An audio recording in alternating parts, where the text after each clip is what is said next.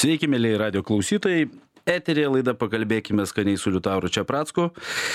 Ir šiandien, norėčiau pasakyti, kaip visada, 12 val. ir 5 minutės aš ją pradedu. Šiandien bus paskutinė šio sezono laida, aš keliauju atostogas. Taigi studijoje būsiu vienas. Atsakinėsiu į klausimus, e, turiu atsiųstus klausimus, taip pat norintys visada galite parašyti e, per mobilę žinių radio programėlę arba paskambinti telefonu 852 431 2431. Taigi pradėkime. Štai tiesiog norėčiau pasvėti, vėlgi, grįžau ką tik iš atostogų, visi tie, kurie mane matys, mato, kad man ant mano maikės yra uždėta kaukulė. Taigi grįžau iš Meksikos, galite klausimus uždavinėti ir tą temą. Ir turiu tą pirmą klausimą, kuris čia pas mane yra parašytas, iš tų žmonių, kurie man atsiuntė. Ir klausia kaip tik apie studijas pas mane akademijoje. Ir klausia, klausimas būtų toks. Sveiki, ar galite papasakoti apie studijas jūsų akademijoje, planuoju kitais metais bandyti laimę įstoti.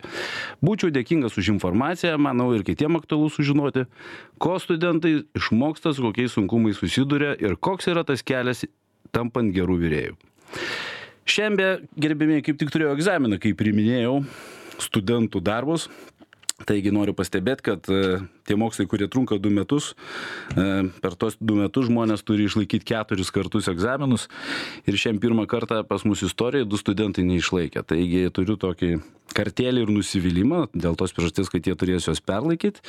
Na, o principė, kogi reikėtų ir kokie sunkumai ir kogi reikėtų, koks tas kelias tampant gerų vyrėjų. Žinot, e, pagrindinis dalykas tampant gerų vyrėjų tai turbūt yra vienas dalykas tai yra įgimti dalykai, manęs niekad niekas neįtikins, kad visko galima išmokti. Čia yra lygiai taip pat kaip mm, ar tai būtų muzikos instrumentas, kodėl vieni išmoksta tos technikos ir te sugeba tik tai, tik tai groti kažkur duobėje, o kiti sėdė atsisėdę ant scenos ir um, ar stovi ir atlieka pagrindinės partijas. Taigi tai būtų viena iš tų tokių turėti įgimtą jausmą ir norą gaminti. E, kitas dalykas tai būtų druskos balansas. Na ir paskutinis dalykas tai temperatūros. Jeigu šitos e, pirmus Tai yra pirma, jeigu turi tai labai gerai, išmoksti du antrus, su tavim viskas yra puikiai. Taigi tapti gerų vyrėjų tai reikia labai, labai, labai ilgai ir nuobodžiai dirbti virtuviai. Tai yra nepaprastai nuobodus darbas iš vienos pusės, kadangi tai yra rutina, tai yra pavojingas darbas, tai yra varginantis darbas, dėl to tiek mažai yra vyresnio amžiaus žmonių virtuvė, dėl to, kad nedažnas tai pakelia. Na, o Uh, vėlgi, tam, kad tapti tuo gerų vyrėjų, reikia ilgai ir nuobodžiai dirbti lyg tyčia. Kągi, turiu nemažai jau klausimų atkeliavusių už tai, pavyzdžiui, trys priežastys nukeliauti į Meksiką, ar tikrai verta. Na, aš gyvenau metus Meksikoje, tai buvo jau prieš 15 metų ir dabar sugrįžęs ją labai nustebu, kadangi jinai iš tiesų labai išbrango. Manau, kad šiaip apskritai viskas pasaulyje brangsta, tai Meksika pasidarė tikrai keistai brangi šalis. Azijos kryptis yra žymiai pigesnės ir realiai ar verta keliauti? Žinoma, Tik tai norėčiau iš karto pasakyti, kad pažiūrėkite plačiau į Meksiką, nevažiuokite tik į Jukataną, dėl to, kad visus žmonės, kuriuos pažįstu, visi matė tik tai piramidės, kurios randasi Jukatane ir Kankūnas, Plaidel Carmen ir Tulumas. Tai yra pagrindinės turbūt tos vietos, dar San Cristobal dėlės kasas, kai kas nuvažiuoja. Na ir Mekiko sitis tai kaip ir aukščiausias taškas. O aš, pavyzdžiui, buvau tokia miestelė, kuris vadinasi San Miguel de Allende, kuris 21 metais pasaulyje buvo išrinktas ar įvardintas kaip miestas numeris vienas. Beje, įvažiuojant į miestą yra ženklas San Miguel de Allende, Meksikos dovana pasauliui. Ir tai iš tiesų yra dovana. Visi, kas nežinot, pasigūglinkit, pasižiūrėkit. E, tai yra, na, neįtikėtino grožio miestas, į kurį tikrai rekomenduoju visiems nuvažiuoti. Jeigu būsite 300 km, beje, puikūs keliai, mokami keliai, bet nepigus. 350 km 305 eurai. Jeigu ką, kad suprastumėt, kad ta Meksika nėra tokia pigi. Ai, štai geras klausimas. Kaip lengvai nulūpti kiaušinius lūpasi su visų baltymų po perkūnais? Čia, žinot, kuo šviežesnis kiaušas, tuo sunkiau lūpasi. Viena iš rekomendacijų tokių yra verdant įdėti sodos ir kartais tai veikia kitas dalykas rekomendacija yra išvirus kiaušinius iš karto labai gerai sušaldyti ir tai kartais veikia o kartais neveikia niekas ir klaus, atsakymų į šį klausimą neturiu, nes aš asmeniškai dėja bet pats susiduriu su šita problema, kai negaliu nusilūpti tų kiaušinių, keikiuosi ir verdu vėl iš naujo. Ir svarbiausia, kada tu turi turėti gražų, mm, tai tada yra labai negerai. Yra dar vienas beje būdas, jį labai stipriai perverti, tada jis irgi labai lengvai lūpasi. Štai e, Tomas prašo, kad aš pasveikinčiau jo pusėsrę, kurie gyvena Meksikoje ir švečia gimtadienį šiandien. Gal galite pasveikinti vardu. Na kągi, aš įvykdysiu šitą prašymą ir pasakysiu Raimondą su gimtadieniu. Tikiuosi, kad ir Meksikoje jūs manęs klausotės, arba tiksliau sakant, kai atsikelsit, kadangi dabar Meksikoje, Mekiko City yra 9 val. vakaro, o Jukatano pusėsalį 4, atsiprašau, ryto 4 val. ryto. Taigi, Tomai, jūsų pusės jau pasveikinta. Taigi, iš principo, štai turiu dar tokių įdomių klausimų. Ar kada Lietuva dalyvaus Bokius Dor konkurse? Na, kas nežinote, Paul Bokiusas tai yra vienas iš tų vienų iš Cuisine Nove Prancūzijos, sakykime taip, šiai dienai šefų, kurie turbūt, kad paskatino tos naujosios virtuvės kūrimasi, um, ir Paul Bokiuzas numirė ne per seniausiai, būdamas jau vos netoli šimto metų. Jo restoranas šalia Lyono, pavadintas jo paties vardu, turėjo tris Mišelino žvaigždutės, dabar turi dvi.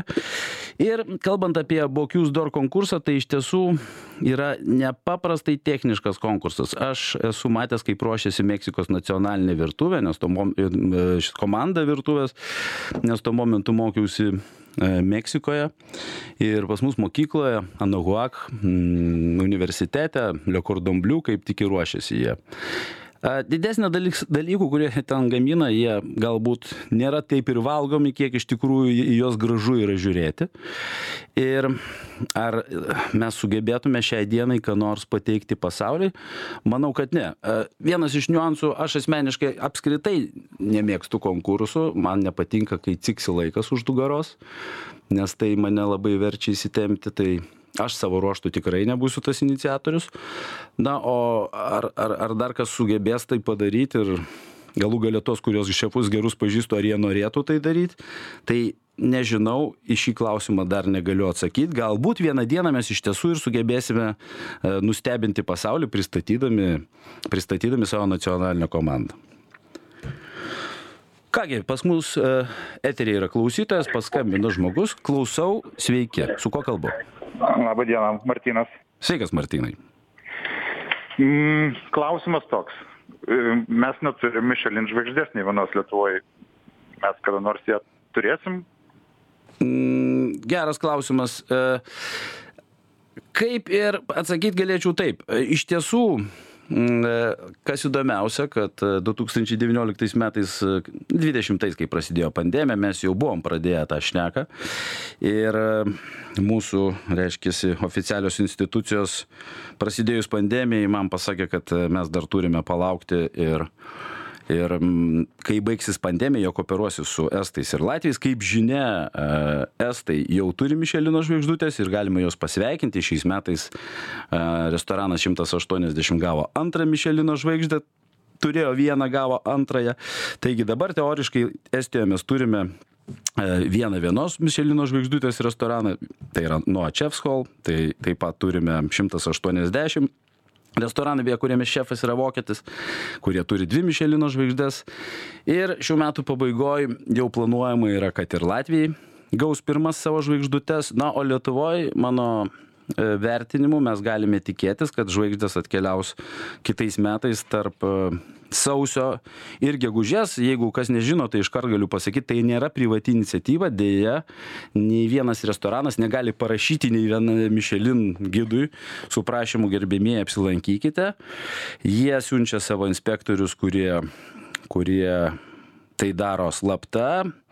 Aišku, kas įdomiausia dabar būnant Estijoje, mm, be būnant nuo Čevskol restorane, kurio šefą puikiai pažįstu, jie turėjo įtarimą, kad e, vienas iš svečių yra Mišelin žvaigždutės gidas, šitas vertintojas. Ir mes, kadangi jį pradėjom žiūrėti labai taip, kaip sakant, su smalsumu, tai jis apsisuko ir pakeitė kėdę taip, kad mes žiūrėtumėm jam į pakaušę, o ne į veidą. Tai klausimas, ar jis tikrai buvo tas, ar ne. Tie, kas žiūrėjo vieną iš ten tų filmų, tai atsimenate turbūt, kad reikia tie, kas numeta šakutę po stalu, tai gali būti gydais. Tai iš tikrųjų visą laiką spėlioji, visą laiką žiūri, matai savo restorano registraciją, ta prasme, rezervacijų ir stebi per, per, per, per, per LinkedIn, per uh, Facebooką ir visur kitur. Toks yra darbas ir tą daro beje viso pasaulio restoranų žmonės atsakingi už rezervaciją ten, kur gali atkeliauti vertintos. Tai yra mes pastoviai turime stebėti ir žiūrėti, um, reiškia, ir vertinti savo svečius, be galvodami, kad ateis vienas iš tų žmonių, kuris gali mūsų vertinti. Liepa sako, skaniausias lietuviškas patiekalas kugelis per amžius. Na, norėčiau nuvilti tamstą, mielą, reiškia, Liepą. Kugelis yra daugiau netgi, jeigu taip pažiūrėti ir pats pavadinimas, tai yra žydiškas patiekalas. Tai e, ir bulvės Lietuvoje randasi dar tiek neilgai, palyginus tik porą šimtų metų. Taigi, o šioje situacijoje pats patiekalas tai yra žydiškas. Taigi, skaniausias e, žydiškas patiekalas, kugelis per amžius su jumis sutinku. Na va, klausimas, štai, nuoširdi nuomonė apie šaltibarius. Ir čia aš tikrai negaliu nepasinaudoti progą nepašnekėti apie juos. Žinau, kad ant dienų Lietuvoje Vilniuje bus organizuojama šaltibaršių šventė, apie kurią beje ir netgi skrendant ir Baltic lėktuvu, jų katalogė yra pristatyta ta šventė, kad štai čia vyksta Pink sriubos šventė. Gerbėmėjai, mano giliu įsitikinimu šis patiekalas tikrai nėra toks, koks jisai turėtų būti. E, dargi laidoje su Zita, amžinatelsi Kelminskaitė, beje, turėčiau pasakyti, reiškia užuojautas artimiesiam jos ir, ir tai yra iš tiesų toks nelauktas išėjimas, labai, labai nuliūdinęs, nekartą esu buvęs jos laidose, jinai buvo ir pas mane laidoje. Taigi jinai pasako, kaip studentavimo laikais ta kaimo moteriškė įdavė tą slovikėlį užrauktų grieščių, tai yra tų jaunų burokėlių lapų. Ir davė grėtinės. Tai tikrieji lietuviški šaltybaršiai, teoriškai tai būtų, turėtų būti iš tų raugintų burokėlių, iš e, tikros grėtinės ir ne, tikrai ne kefyras e, ir virti burokėliai tai yra sovietmečio palikimas. Kągi, aš keliauju dabar į pertraukėlę, nepamirškite, kad galite man dar uždavinėti klausimus, paskambinti po pertraukos, o su jumis susiklausysime netrukus. Grįžtame į eterį su laida Pakalbėkime skaniai. Na ir štai turiu tokį puikų klausimą. Hipotetinis klausimas. Į žemę atskrenda ateiviai ir ką reikia pagaminti, kai jeigu reiktų pagaminti vieną patiekalą, kuris reprezentuotų žmoniją, ką gaminam. Greičiausiai, kad reprezentuoti geriausiai žmoniją tiem ateiviam, kurie hipotetiškai gali būti kokie nors mesiežiai, o mes jiems e, galime būti visai neblogas patiekalas, tai greičiausiai reikėtų pagaminti žmogų, e, kad geriausiai reprezentuotų visą žmoniją, nes atrinkti visoje žemėje tą patiekalą, kuris mūsų reprezentuotų ateiviai, na, hipotetiškai reikėtų užsiduoti klausimą, ar jie lygiai taip pat e, iš organinės medžiagos pagaminti kaip ir mes, o galbūt tai kita ateivių forma ir panašiai. Labai daug yra visų visokių nežinomųjų. Taigi atsakymas būtų toks. Uh, Vėlgi, klausimas apie beigelius. Tai lietuviškas, žydiškas ar amerikoniškas patiekalas. Na, iš tikrųjų, tai reikėtų suprasti, kad e, tai beigelius uh, gamino, sugalvojo, pradėjo gaminti Lietuvoje, taigi tie patys žydų kilmės atstovai, kurie išvažiavo į Ameriką.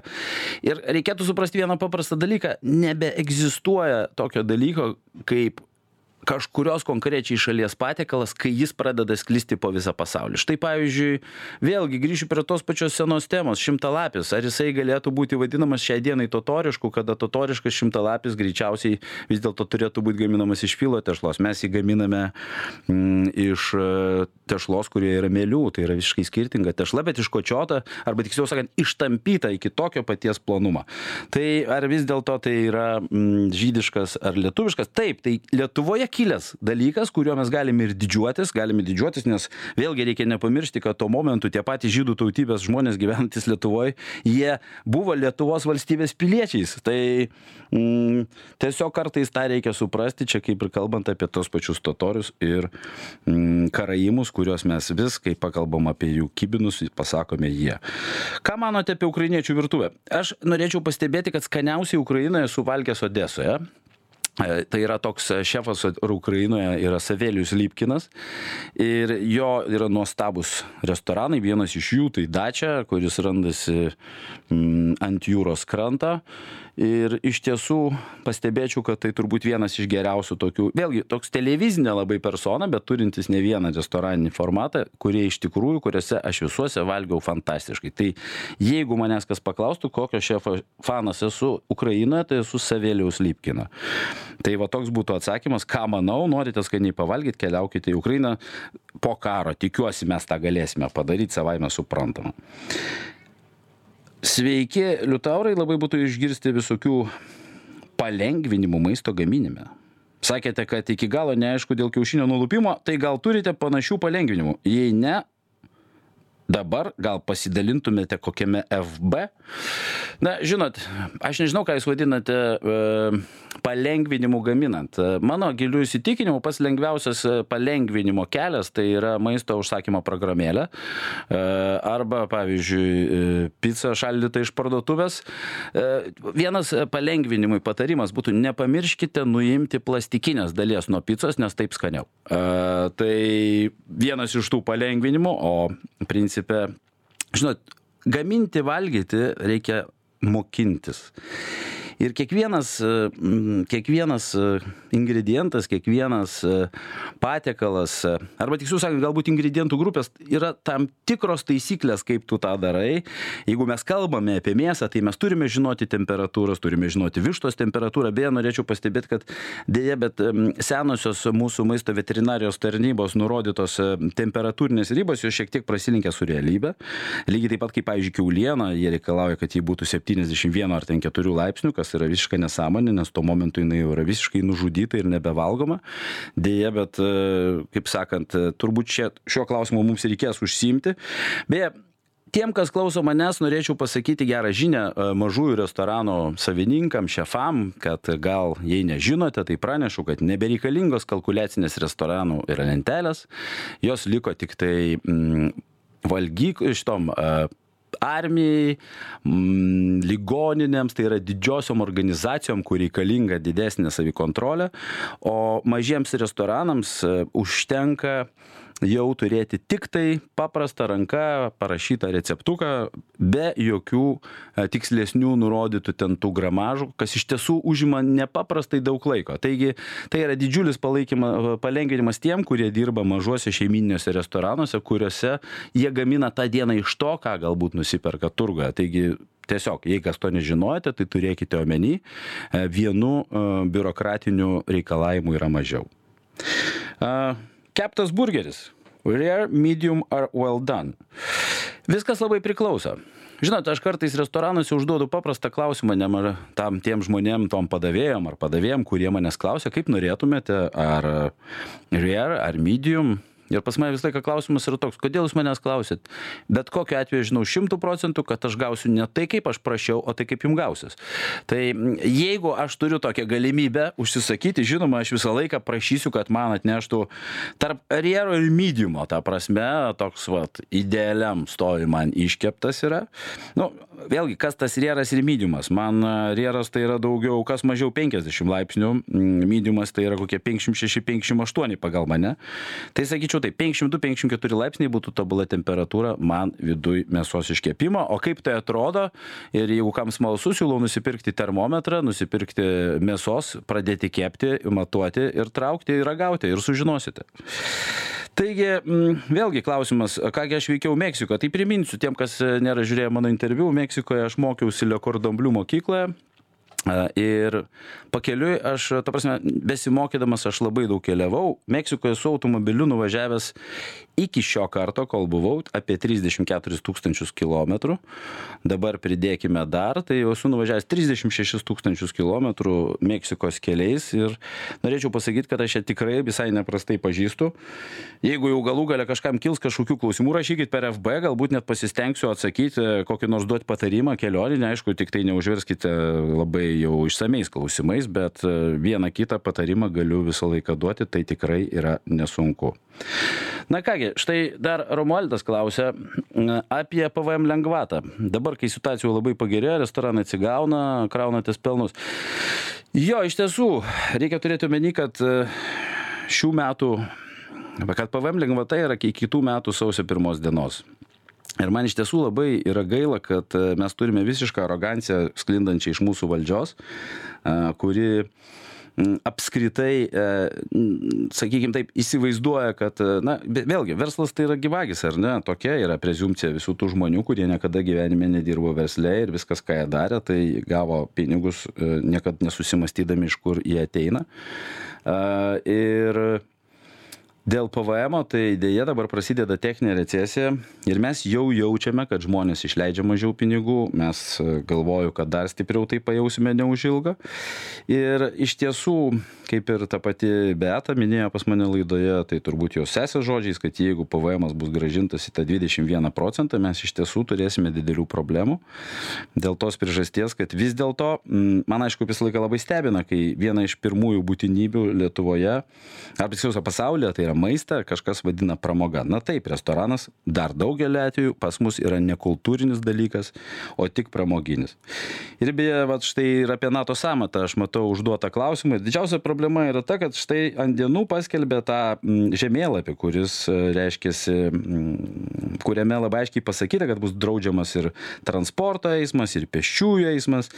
Ir štai visoje šitoje situacijoje man kyla tik tai vienas paprastas klausimas. Jeigu mes dvi dienas negausime pajamų arba mūsų galimybės gauti tas pajamas bus labai stipriai apribotas, tai tuomet e, man tiesiog smalsu, kaip planuojama yra kompensuoti mums negautas pajamas restoranų. Ar tai tiesiog eilinį kartą mes būsime palikti gulėti ant žemės? E, na, mums dar įspirs porą kartų praeidami pro šalį, vien dėl tos vienintelės priežasties, kad jūs per taip ir taip per gerai gyvenate, pasakydami. Nes aš suprantu, kad iš samito tai tikrai uždirbs viešbučiai, kurie bus perpildyti. Bet jeigu žmonių ribojimas bus, e, žmonių judėjimas bus ribojamas, nekalbant apie tai, kad e, prekių pristatymo galimybių apskritai jokių senamiesty nebus. Tai aš labai apgailestaudamas tiesiog noriu pasakyti, kad kaip visada, kai aš girdžiu tokį dalyką, kad mes turime didžiuotis, kad e, vyks renginys ir kad tai yra mums garbė. Galbūt tai yra ir garbė, bet reikia nesup, nepamiršti vieno dalyko. Kai kam iš mūsų tai yra tiesiog išgyvenimo klausimas. Ir vėl Sveiki, grįžtame į eterį su laida Pakalbėkime skaniai su Liutauru Čiapracku. Šiandien aš laidą vedu vienas, e, taip jau išėjo, kad e, kažkaip paskutinę laidą pagalvojom, kad padarysime tiesioginėme eteryje. Tai beje, man eilinį kartą, pirmas kartas gyvenime, taip malonu. Šiais metais tai jau antras kartas radijoje, kai aš turiu pirmą kartą. Pirmas kartas buvo, kai turėjome su svečiu tiesioginį eterį, šiandien tai darau vienas. Ir norėčiau paraginti visus tuos, kurie norėtų užduoti klausimus, paskambinti telefonu 8 aštuoni du keturi trys vienas du keturi trys vienas. Mm, taip galėsite užduoti klausimą tiesioginiame eteryje arba pas, e, parašyti per žinių radio mobiliąją programėlę. Beje apie jos egzistavimą aš sužinojau tiktai prieš pat laidos pradžią. Taigi galėčiau dabar gal net ir pats sau kokį klausimą užsiduot bet deja eterio metu turiu dar ir kalbėti. O kalbėti rašyti yra sudėtinga. Ir štai čia uh, turiu tokį gerą klausimą vėlgi kalbėkim apie tai kad kaip ir minėjau mes viliamės vis dėlto kad į lietuvą atkeliaus ta ta žvaigždė ir jinai atkeliaus iš tiesų čia nereikia viltis tai yra jau faktas. O mes turime klausytoją kuris nori užduoti klausimą taigi klausau jūsų sveiki su kuo kalbu? Laba diena darius sveikas dariau. Aš tokį klausimėlį va kaip tik apie mišelin kalbate norėjau paklausti. Kadangi čia suprantu mišelin tai yra pagalba didžiulė valstybės investicija yra kad ateitų tai jūs jau aš manau seniai nusipelnėte ar nėra jum minties pačiam nueiti į mišelin šalį turi kurioje iš iš šalį kurioje dalina mišelin žvaigždes pavyzdžiui latvija estija? E, Principė, žinot, e, aš manyčiau, kad nebėra ko eiti į tą šalį dėl tos priežasties, kad mes šimtų procentų žinome, kad jau turėsim ir Lietuvoje, visą tai yra tik tai laiko klausimas ir tiksliau sakant, to laiko liko netiek ir daug.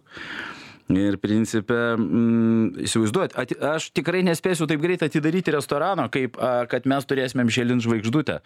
Ir va čia kaip tik tas vat, klausimas ir buvo, kurį aš dabar norėjau dar perskaityti, taigi ačiū dar už tą klausimą, a, kurį skaičiau, kad, mm, reiškia, pradėjau tą priešistorę, buvo apie tai, kad aš kalbu vis dėlto apie tai, kas yra Michelinas. Michelinas tai pirmas dalykas, tą patį pastebi Latvijai, tai yra Estai, atsiprašau, Latvijai dar neturi galimybės pajusti tą poveikį.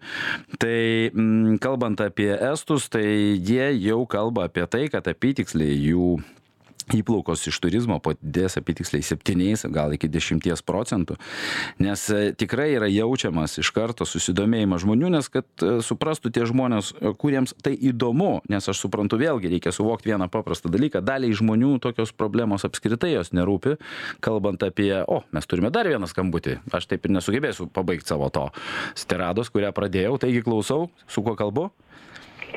Lina. Sveiki, Lina. Labą dieną. Sveiki. Gerbiamas Liutaurai, ar jūsų tėtis yra dainininkas ir ar jūsų močiutė Šalnaitė buvusi šokėja? Labai labai ačiū. Ho, labai e, ačiū už šį klausimą. Taip, mano tėtis yra Liutauras Čiaprackas. Mm, e, koks paradoksas, ir aš Liutauras Čiaprackas. E, taigi mes tikrai esame iš tos pačios giminės. Ir, ir, ir taip, mano močiutė Jedviga Šalnaitė, kaip ir mano senelis Vytautas Čiaprackas, jie abu buvo Kauno muzikinio teatro baleto solistai. Mm, taigi dainininkai, dainininkai, balerūnai ir vienas šefas. Na, o grįžtant ir pabaigiant tą temą, kurią vis bandau sugrumuliuoti tą atsakymą, arba tiksliau sakant, pereiti prie to klausimo, o tas klausimas yra, kas yra tas fine dining, vis skaitau ir nesuprantu. Fine dining tai yra restoranas, kuriame Vėlgi, restoranas kilęs nuo žodžio restauracija, tai yra pakilėjimas, tai yra Tai yra vieta, kur iš tikrųjų, kaip dažnai mes vardiname kokias nors traktierius kaip restoranus, tai norėčiau pastebėti, kad ne kiekvienas traktierius yra restoranas, bet nemažai restoranų galėtų tapti traktieriais. Tai principė, kalbant apie tai, kas tai yra fine dining, fine dining tai yra labiau rafinuoto maisto vieta. Ir kaip tik norėčiau pasakyti, kad turiu dar vieną klausimą, kuris labai gražiai susives štai su šito, kas yra fine dining. Fine dining tai yra labiau formali vieta vieta, į kurią keliaudamas e, tu turėtume pagalvoti, kad galbūt ten nevertėtų į su sportinė apranga, su e, šortais, ypač jei tie šortai yra maudimosi idėja. Mes turėjome vieną svečią praeitą vasarą, amerikoną, kuris sumaišė vietas, į kurias atėjo. Ir štai sekantis klausimas, stebiu jūsų gastronomikos nuotraukas ir nesuprantu, kaip ten galima pavalgyti. Greičiausiai reikia po to dar eiti valgyti. Na, viskas labai priklauso. Žinoma, kalbant apie gargantiuą ir pantagriuelį, tai mes tikrai nesame ta vieta, kur galėtume patenkinti jų apetitus. Bet kalbant apie paprastus e, žmonės, kurie vartoja protų suvokiamus maisto kiekius, mes ir kalbėkim, čia vas taiga ir susiveda, kas yra tas fine dining. Tai fine dining tai yra ta vieta, kur tu negauni karbonado per visą lėkštę. Deja, pas mus Lietuvoje vis dar dažnai galvojama yra apie tai, kad skanu, tai reiškia, kai porcija yra didelė, milžiniška. Nes žmonės net kitai pabrėžia, sakydami, kad jo labai skaniai pavalgiam ten didelės porcijos. O vis dėlto norėčiau pastebėti, kad jeigu maisto ragavimas yra šventė, ar ne, ir, ir, ir ta šventė, kurią gali pasidaryti tam restorane, tai mes tą ragavimą ištempėme į ne vieną, o septynis, aštuonis, devynis poterius, kuriuos jūs gaunate skirtingais e, patiekalais ir jie tikrai nėra dideli. Nedideli dėl to, kad jūs įsivaizduokit, kad turėtumėte suvalgyti septynis karbonadus, o šioje situacijoje mm, mes pateikėme arba suteikėme jums galimybę savo mm, receptorius panardinti į visiškai skirtingas aplinkas, skirtingus skonių pojūčius. Ir norėčiau pastebėti, kad Jeigu kalbam apie e, moteris pelytės, tai tokios, kurios labai mažai valgo, tai jos jau sako, kad man biški per daug maisto. Jeigu kalbam apie to žmonės, kurie valgo tiek, kiek turėtų normalus žmogus valgyti, tai visiems maisto tikrai visada užtenka, nes man asmeniškai pasakymas važiuosim į McDonald's tikrai skamba kaip įžeidimas. Kągi, turime sekantį klausimą. Labadiena, Liutaurai. Sveiki. Noriu paklausti, kaip namie pasigamintos nelemtus Benedikto kiaušinius? Ir antras klausimas, kuo ypatinga yra vojūgų mėsa? Ačiū. Ačiū. Kągi, e, kalbant apie Benedikto kiaušinius, e, tai norėčiau pastebėti vieną paprastą dalyką, kad mes kalbam iš tikrųjų, tai mm, o, o kurio Benedikto, va dabar aš norėčiau tiksliai paklausti, tą prasme, Vanago, a, tai čia jau su juo reikia tartis, kaip juos pagaminti, o jeigu kalbant apie mm, kiaušinius virtus be lūkšto, tai tuomet e, tai galima padaryti paprastais būdais. Galite pasiieškoti internete, yra vienas paprasčiausias būdas naudojant maistinę plevelę ir aliejų, ta prasme, puodukas atpjauni maistinės plevelės gabaliuką, dedi į poduką, prieš tai plevelę ištepęs aliejumi įmuši kiaušinį, užiši kampus, e, merki į vandenį, verdi 3,5-4 minutės ir išsitraukęs atrišęs, gauni tokius keistos formos, šiek tiek primenančius e, pomidorus, kada būna jaučio, ne jaučio širdis, bet tokie pomidorai labai tokie su toms klostelėm. Kalbant apie olandišką padažą, tai čia jau šiek tiek sudėtingesnis yra dalykas, bet e, vėlgi galima tai su imersiniu blenderiu padaryti, vienas iš paprastesnių būdų vėlgi galbūt galima būtų tai pasiieškoti internete, ir, bet vėlgi negarantuoju, kad visą laiką tai gausis. Na, o bet pasigaminti išsivirti paprastai kiaušinį, tai yra tikrai labai paprastas būdas, galite pasižiūrėti. Aš nekalbėsiu apie tradicinius būdus, apie tą e, actą, vandenį, e, druską, verpetus, kuriuos tu darai, muši, kiaušinis, kuris turi būti labai šviežias, arba naudoji dar tinkliuką, kad tas nutekėtų, reiškia, baltymas, kuris yra skistesnis ir liktų tas, kuriame yra daugiau albumino, tas, kuris daugiau laiko formą. Tai va tokie dalykai. Na, o jūsų klausimas apie vagijų. Tai vagių iš tiesų yra mm, mėsa, kuri atkeliauja iš Japonijos. E, jeigu mes kalbam apie tikrą šimtaprocentinį japoną e, mėsą, kuri iš tiesų yra pati brangiausia, nes šiai dienai vagių yra auginamas ir Australijoje jau seniai, ir Urugvajuje, ir Argentinoje, ir įvairiose kitose pasaulio šalise. Deja, niekas dar nesugebėjo aplenkti japonų pagal kokybę. Mm, kadangi su tais japonais jau taip ir yra, kaip sako, jeigu Kinas pagamins e, pigų padirbinį, tai Japonas padarys geriau už originalą. Tai e, dėja, to vakijų ir neįmanoma vis dar niekam aplenkti, nors bandymų yra, o jeigu jau kažkas ir pas, pasiekia panašų variantą, tai pas juos būna brangiau negu pas Japonus. Tai e, vagijų yra speciali veislė, tai yra specialūs e, buliukai, kurie iš tikrųjų, jeigu juos pasižiūrėti, tai pas juos nedidelės kojytės ir viskas koncentruota daugiausiai yra į nugarą. E, vėlgi, nugara yra pats brangiausias dalykas, ten ta pati geriausioji mėsa, tai mes kalbam apie nugarinę, apie entrekotą, apie išpjovą. Uh, tai tas longisimus dorsi raumo. Uh, ir išpjovą jau ten atskirai Tai, žinot, man jokingiausia yra klausytis, kaip žmonės prisiklausę tų gražių istorijų yra apie tai, kad Japonijoje a, tos karvės ganosi, reiškia, savo laimingos, tada Japonas prieina, jam jai sakęs butelį sugirdo, a, na ir pabaigai dar padaro jai masažą.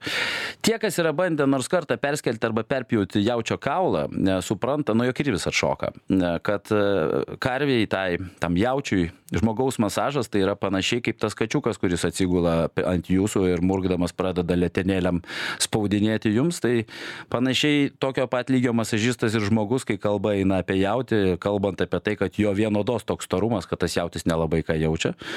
Ir aišku, dabar eilinį kartą labai pasišiauštė žmonės, kurie mm, labai mėgsta gyvūnų teisės, nes, e, e, va, tušti narvai kaip tik į Japoniją galėtų važiuoti, nes e, Japonijoje visi visos tos e, e, galvijai yra auginami uždaryti narvuose, auginami, maitinami labai riebių maistų, dėl tos priežasties mes ir turime tokį didelį riebumą. E, procentaliai, jeigu kalbėti apie A5, BMS 12, tai apskritai daugiau yra lašinys, kuriame yra šiek tiek mėsos. Ir dėl tos priežasties, kad tas e, gyvūnas stovi, nejuda ir valgo daug riebaus maisto, jam pradeda kišti skrandis. Tai tą progą Japonas ateina, jam atkemša ir sugirdo kokią laus butelį, tam, kad alkoholis pramuštų jam tą susidariusi kamštį. Tai yra iš tiesų realybė, kurią rodome, e, kuri yra rodoma, skiriasi nuo, nuo tos realybės, kuri yra iš tikrųjų. Bet rezultatas gaunasi fantastiškas ir, ir, ir, ir tie, kas yra bandę, mm, manau, kiekvieną kartą taip, man nepaliauja stebinti tą mėsą, kuri tiesiog tirpsta burnoje, kalbant vėlgi apie apie, e, reiškia, ar daug galėtum suvalgyti, tai 300 gramų nereikėtų bandyti veikti japoniškos jautienos, 100 gramų gabalėlio kaip taisyklė visą laiką užtenka, nes tai iš tiesų yra labai riebu, bet beprotiškai skanu. Tai viliuosi, kad atsakiau į klausimą apie tą japonišką vagių. Kągi, aš kaip suprantu, mes jau keliaujame po truputėlį ir į pabaigą su laida, taigi aš iš tiesų norėčiau pastebėti, kad e, tai jau buvo antras sezonas mano eterija. E, per šį laiką mes turėjome visai nemažai pašnekovų pas mus ir iš tiesų man džiugu, kad iš pakalbėkime skaniai, kada mes kada mes turėjome kalbėti tik tai apie maisto gaminimą ir apie kitus tokius dalykus susijusius tik su kulinarija, mes iš tiesų turėjome nemažai tikrai skanių pašnekėsių, kurių metu mes kalbėjome apie įvairiausius dalykus ir istoriją, ir keliones, ir, ir, ir, ir, ir ne viską, kas tik tai lietė maistą. Taigi aš labai džiaugiuosi tą galimybę e, pabūti su jumis eteryje. Na ir e, aš grįšiu rudenį, e, bent jau manęs niekas nevaro ir klausia, ar aš tą norėčiau daryti ir aš su tą darysiu su mielu noru, nes iš tiesų tai tapo nepaprastai, ta prasme, taip tapo dalimi mano rutinos, mano gyvenimo, kur e, po kiek laiko staiga pradedi suprasti, kad to pradeda trūkti. Na, o aišku, didžiausias e, dėkui yra tiem, kurie manęs klausosi, aš labai esu laimingas, kad laiks nuo laiko sulaukiu ir tokių padrasinančių žodžių ir e, padėkų už tai, kad e, yra žmonių, kuriems pasirodo ir patinka mano laidos, taigi labai dėkingas jums už tai. Ir beje, dar turiu paskutinių klausimų. Ar yra koks analogas Mišelin žvaigždutėm, ar koks kitas panašus titulas, ar Mišelin žvaigždutėmis yra vertinami vegetariškai restoranai? Taip, pasakysiu taip, nėra didesnės apgavystės negu Mišelin žvaigždutėmi vertintas restoranas, kadangi 150 eurų mokėti už daržovės, tai yra, atleiskit, bet apgavystė, nes baltymai kainuoja brangiai, mėsa kainuoja, žuvis kainuoja, jūros gerybės kainuoja, bet, nu, nėra morkų, kurios kainuotų, išskyrus vienintelį dalyką, galbūt trūmus, bet jie nenaudoja matsutakę um, grybų iš Japonijos Japonijos, kurie yra vieni brangiausių pasaulių, todėl aš visą laiką į tos e, žvaigždutėm vertinamus vegetariškus restoranus žiūriu per tokią tam tikrą, sakykime, prizmę, kad morkos tiek nevertos. Na, kalbant, aišku, vėlgi, aš gal nuvertinu tų žmonių darbą, nes ten yra nepaprastai daug darbo įdėta gaminant tai. Kalbant apie analogas Michelin, e, tai yra San Pelegrino 50-ukas. Ir beje, norėčiau pastebėti, kad dabar Meksikui buvo 5 ir 9 pasaulio restoranuose, taip pat e, buvau 42 restorane Lisabonai važiuodamas, geriausia pasaulio šefė restoranas Rosetta, e, kuris randasi Mekike, bei 22 geriausiame Pietų Amerikos restorane, Maximo vadinasi, galite pasižiūrėti, penktas pasaulyje vadinasi Pujol, šiaip tai rašoma Puhol, tai yra su J raide, ir Kvintonilis. Ar nustebino, atvirai pasakius, ne.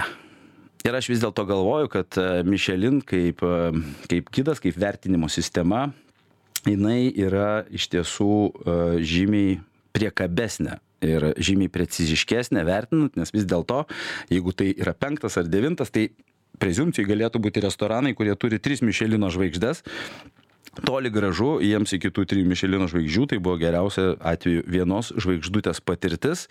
E, o Pujolis, tai yra penktas pasaulio restoranas man apskritai, pasirodė panašus į gastrobarą, kuriame m, žmonės net nelabai kas ir gėrė daug to vyno, dėl tos priežasties, kad aišku, kainos ten yra visiškai beprotiškos. A, klausimą, ar Michelin tik apie prabangą. Ne, Michelin tai tikrai nėra prabanga, jeigu mes kalbame šiai dienai, turime ir puikiausių tokių dalykų kaip street food Michelinas, tai galite pavalgyti, pavyzdžiui, Tokijui mačiau vieną restoraną, onigiri gaminantį, kur gali pavalgyti už 6,5 eurą. E, ten taip pat yra ir Cuta, toksai ramen restoranas, kuriame aš valgiau už 12 eurų.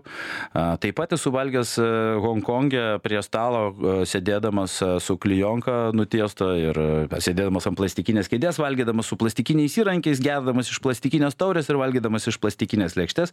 Ir tai vis tiek ta vieta turėjo Mišeliną, nes jų žasis yra fantastiška. Tam pačiam Prancūzijoje galite rasti tikrai ne vieną pasiūlymą, dienos pietų pasiūlymą, kai galima pavalgyti už 30 ar 40 eurų. Ir čia, va, čia jau sekantis klausimas, ar tokie pinigai yra prabanga. Taigi, Ačiū Audriu, kad palinkėjote man gerą poilsio. Aš jį ir keliausiu jau netrukus. Mano, kaip ir suprantu, liko paskutinius keletas minučių eteryje. Ir mano atostogos prasideda, noriu pasidžiaugti, rytoj kaip tik įskrendu į San Sebastiną, nuostabų miestą, kuris šiai dienai yra trečias pasaulyje pagal Mišelino žvaigždučių kiekį, bet man širdie tai turbūt yra pati brangiausia vieta. Aš ten praleidau metus, bet dirbdamas vienam iš restoranų, taigi turėsiu susitikimą ir su savo buvusiu šefu, mm, kas yra keista, nes aš paskutinius jau metų esu pats kažkam šefas, o dabar susitiksiu su to, kuris buvo man šefas. Taigi iš tikrųjų važiuoju su savo keliais kolektyvo nariais, nes kaip ir minėjau, mm, vėlgi ruošiamės ir tam ateimui to Mišelino, galvojame pastoviai, tai yra tobulėjimas ir tai yra nesustojamas judėjimas į priekį. Ir aš labai džiaugiuosi, kad ateis šis gydas į Lietuvą, nes jis privers ir kitus pajudinti šiek tiek daugiau savo kumpelius, pradėti galvoti, atsiras priežastis, dėl kurios iš tikrųjų mes galime pradėti daryti dalykus geriau. Nes tai bus automatiškai na, tiksliau sakant, ne automatiškai, bet tai gali būti ir bus įvertinta. Nepamirškim, kad Michelin gydas turi ne tik žvaigždutes, jisai turi dar ir paminėjimą, jisai turi Bib Gurman, tai tokį žmogeliuką, tą padangos veidė, tą padangos žmogeliuko veidelį, jisai turi lėkštę, jisai turi žalę Michelin žvaigždę ir jisai turi žvaigždės. Iš vis gaunasi, kad gauna, tu gali gauti vieną iš septynių kažkokių tai paminėjimų, tai yra 1, 2, 3 ir visi likę. Taigi, principė, iš tiesų, um, manau, kad taip mums leis pasikelti savo maisto kultūrą. Ir labai viliuosi, iš tikrųjų, gerbimieji klausytojai, kad ir jūs tobulėsite, nes kai mes kalbame apie virtuvę, kai mes kalbame apie maistą, mes turime nepamiršti vieno paprasto dalyko, kad tobulėti turi ne tik virtuvės šefai, ne tik gaminantis valgyti, bet ir valgytojai. Taigi domėkitės, žiūrėkite, nepamirškit, kad ne visą laiką tai, kad užklijuotas lipdukas Mišelintas restoranas turi žvaigždutę, todėl sakyti, buvau Mišelininiam restorane restorane yra kvaila, jeigu ten nekaba raudona lentutė, ant kurios yra nupieštas toksai, kaip sakant, gvazdikas, arba tiksliau sakant, žvaigždė su neaštriais kampais. Taigi, ačiū labai visi gerbimieji mano klausytojai. Aš iškeliauju atostogas, mano laikas šiai dienai jau baigėsi, taigi Sveiki atostogos, aš kaip koks moksleivis, kuris sako, pagaliau paskutinis skambutis. Susiklausysime rudenį. Iki.